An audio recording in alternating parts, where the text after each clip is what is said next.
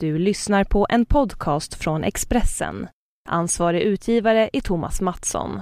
Fler poddar hittar du på expressen.se podcast och på iTunes. Det här är Expressen Dokument om att gisslan är fria. Nu börjar vägen tillbaka av Diamant Salihu som jag, Johan Bengtsson, läser upp. Efter 46 dagar som gisslan i fönsterlösa och smutsiga källare släpptes journalisterna Niklas Hammarström och Magnus Falkighet. I största hemlighet hade svensk polis tillsammans med UD och lokala myndigheter i Libanon arbetat för att förhandla med kidnapparna. Att befinna sig i en sån gisslansituation är extremt påfrestande. Men det kan även vara krävande när dramat är över. Jag hoppades ständigt att jag skulle släppas. Men tiden gick väldigt sakta, säger Roland Larsson, 74, som var Fars-gerillans gisslan i ett år och tio månader.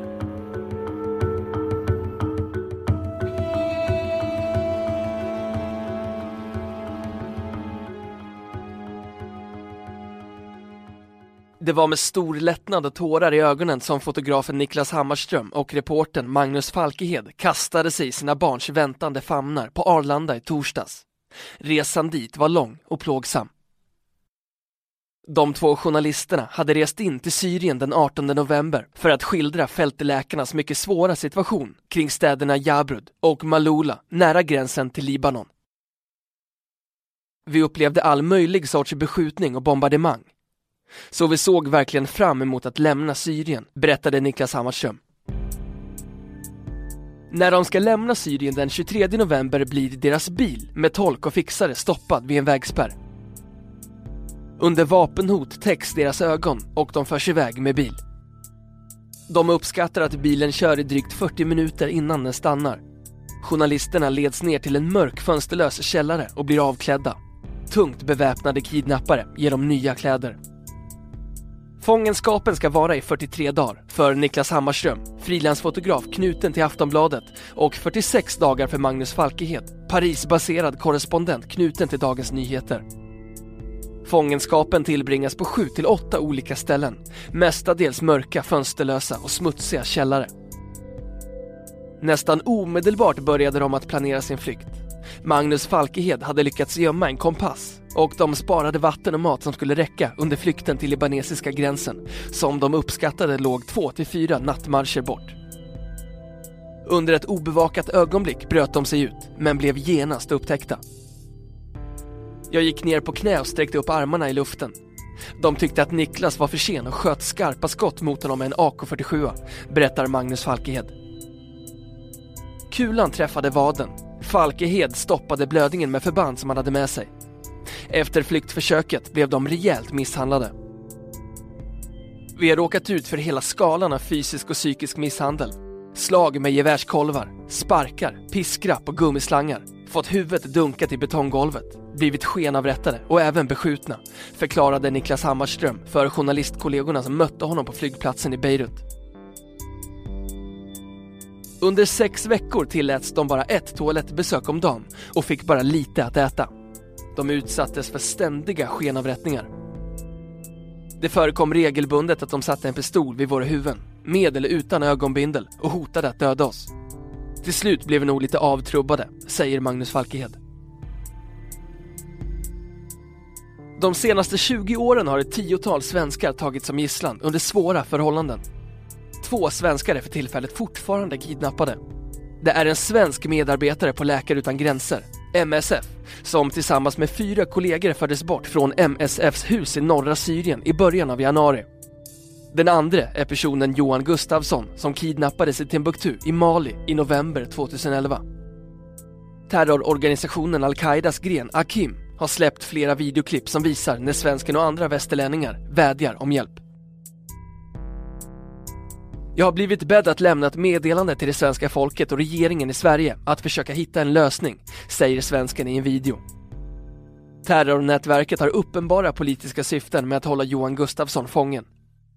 I fallet med Niklas Hammarström och Magnus Falkehed handlade det om pengar, enligt uppgift till TT. Om några pengar betalades, eller vilken summa, har inte uttalats. Tidningarna Aftonbladet och Dagens Nyheter har sedan kidnappningen skedde samarbetat med Rikskriminalen, Utrikesdepartementet och ett privat säkerhetsbolag för att få journalisterna fria. Rikskriminalen ansvarar för kidnappningsärenden och det är förhandlingsexperter därifrån som involveras vid kidnappningar. Hur det gått till i fallet med journalisterna vill man inte berätta.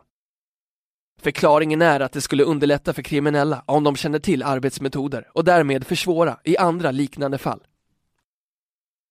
Det här arbetet handlar ju om människors liv och hälsa. Vi har flera svenska medborgare som är kidnappade i Syrien och vi har ju anledning till att hålla vårt metodarbete hemligt, berättade Rikskriminalens chef Henrik Malmqvist efter att Falkehed och Hammarström frigavs. Lyckligtvis hade de två journalisterna så sent som i maj genomgått en säkerhetsutbildning ordnad av Försvarsmaktens överlevnadsskola på K3 i Karlsborg, ordnad för journalister som arbetar i krigsområden. Ett av momenten gick ut på att lära sig att överleva en kidnappning. Allt som vi gjorde på kursen hände i verkligheten. Slutövningen var att vi överfölls av okända och blev bortförda och inlåsta. Det var en stor hjälp att ha tränat det, för då kunde vi tänka framåt. Då kan man ta det ganska lugnt, förklarade Magnus Falkehed. Överlevnadsskolans chef Jonas Månsson säger att kidnappare har tre tänkbara motiv. Att få pengar, att få information eller så är syftet politiskt, att man vill få erkännande som grupp eller göra en fångutväxling. Om man hade ekonomiska mål kan man tänka sig att man blir lite bättre behandlad. Om det är information man vill ha tag på kan de misshandla en ganska mycket för att få en att prata. Är det politiska mål kan det också finnas ett värde för dem att förnedra sin gisslan för att skapa opinion på något sätt. Eller att man gör det för att hämnas, säger Jonas Månsson på K3 Karlsborg. I en gisslansituation finns det några grundläggande metoder som ökar chansen att överleva. Metoderna användes av Niklas Hammarström och Magnus Falkehed. Man måste försöka få kontroll på situationen genom att kommunicera med gisslantagarna. Då höjer man sitt människovärde genom att tala om vem man är, vad man heter, att man har en familj, att man kanske har ett ansvar för sin familj att överleva och så vidare. Då blir det svårare för gisslantagarna att avfärda en som handelsvara, säger Jonas Månsson. En liknande taktik använde Roland Larsson, 74, när han kidnappades i maj 2007 av Fars-gerillan i Colombia. Han hade pensionerats från jobbet som elektriker på Skanska och befann sig på landsbygden när beväpnade soldater förde bort honom och hans sambo. Hon lyckades fly, men Larsson hölls i djungeln i ett år och tio månader innan han slutligen släpptes fri. Jag försökte inte fly eftersom vi låg så illa till. Jag kunde inte hitta ut från djungeln och så var det vilda djur och allt möjligt där. Han säger att han byggde upp en relation till sina kidnappare genom att hitta gemensamma samtalsämnen. Jag frågade grabbarna om växterna och träden. Det fanns gerillakillar som visste rätt mycket om olika växter. Jag försökte också träna så mycket som möjligt genom att småjogga för att hålla mig i form och skingra tankarna. Det var först efter drygt 14 till 15 månader som Roland Larsson fick den första kontakten med sina anhöriga via brev som hade nått kidnapparna. Då kände jag hopp och visste säkert att hjälpen skulle komma så småningom, säger han. En annan svensk som hållits som gisslan under dramatiska former var den då 28-åriga Lena Telander. Hon arbetade för hjälporganisationen International Aid Sweden i Somalia när hon hölls fången i 17 dygn av ett gäng unga beväpnade män. Hon släpptes utan att en lösensumma betalades ut, rapporterade TT. Det var aldrig någon som rörde mig fysiskt. Psykiskt var det väl lite svårare. De var cyniska och jag var omgiven av vapen hela tiden, berättade hon efter frisläppandet 1994. De svenska journalisterna i Syrien beskrev en euforisk känsla när de efter det misslyckade flyktförsöket för första gången via telefon fick lämna meddelande till myndigheterna att de var vid liv. Vid några tillfällen hörde de en stabil röst på svenska som sa att vi jobbar på högvarv för att få er loss. Det levde vi på en vecka när vi insåg att det fanns proffsiga människor som tog hand om det här, berättade Magnus Falkehed.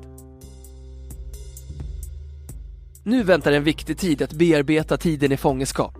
Psykoterapeuten Sigurd Moe säger att det är viktigt att journalisterna får professionell hjälp.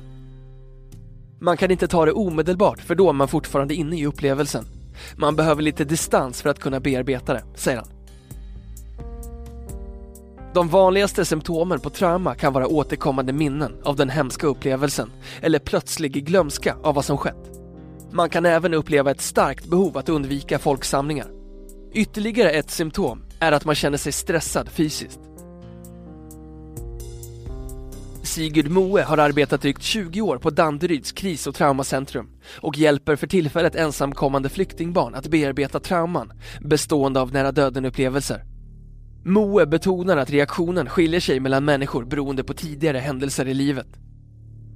Eftersom Niklas Hammarström och Magnus Falkehed genomgått försvarets gisslanövning och haft varandra som stöd hela tiden kan de sannolikt hantera tortyren på ett bättre sätt.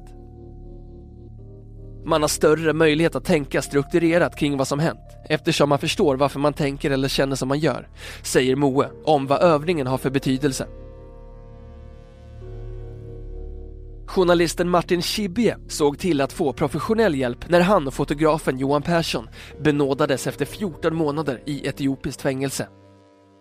De hade blivit skjutna, utsatts för skenavrättningar, använts i de etiopiska myndigheternas propaganda och dömts till 11 års fängelse efter att ha tagit sig in i den stängda Ogaden i syfte att granska oljeföretaget Lundin Petroleums verksamhet i området. Det tog tid för kroppen innan man förstod att man var fri det innebar en enorm stress första tiden, säger Martin Schibbye. Han säger att det är viktigt för de nyligen frigivna svenskarna att förstå att de genomlevt något oerhört traumatiskt och att veta att hjälp finns att få.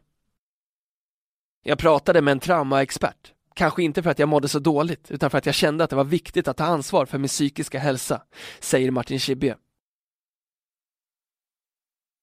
Farsgerillans släppta gisslan, Roland Larsson, uppger att han mår bra mentalt. Men fysiskt är han delvis rörelsehindrad på högra sidan efter stroken i djungeln, som han inte fick vård för förrän han frigavs fem månader senare. Han minns tydligt känslan från återföreningen med anhöriga. Ett enastående ögonblick, beskriver han. Magnus Falkehed och Niklas Hammarström vet att de har mycket att ta igen. Vi har ett uppdämt behov av att få prata och umgås med våra familjer.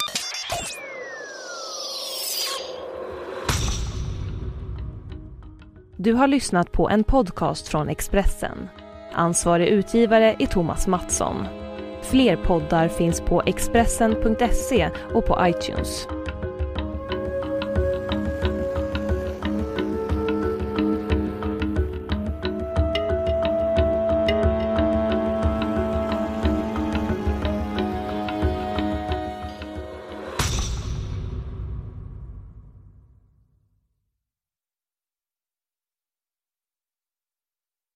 Ny säsong av Robinson på TV4 Play. Hetta, storm, hunger. Det har hela tiden varit en kamp. Nu är det blod och tårar. Fan händer just nu. Det. är Detta är inte okej. Robinson 2024, nu fucking kör vi! Streama söndag på TV4 Play.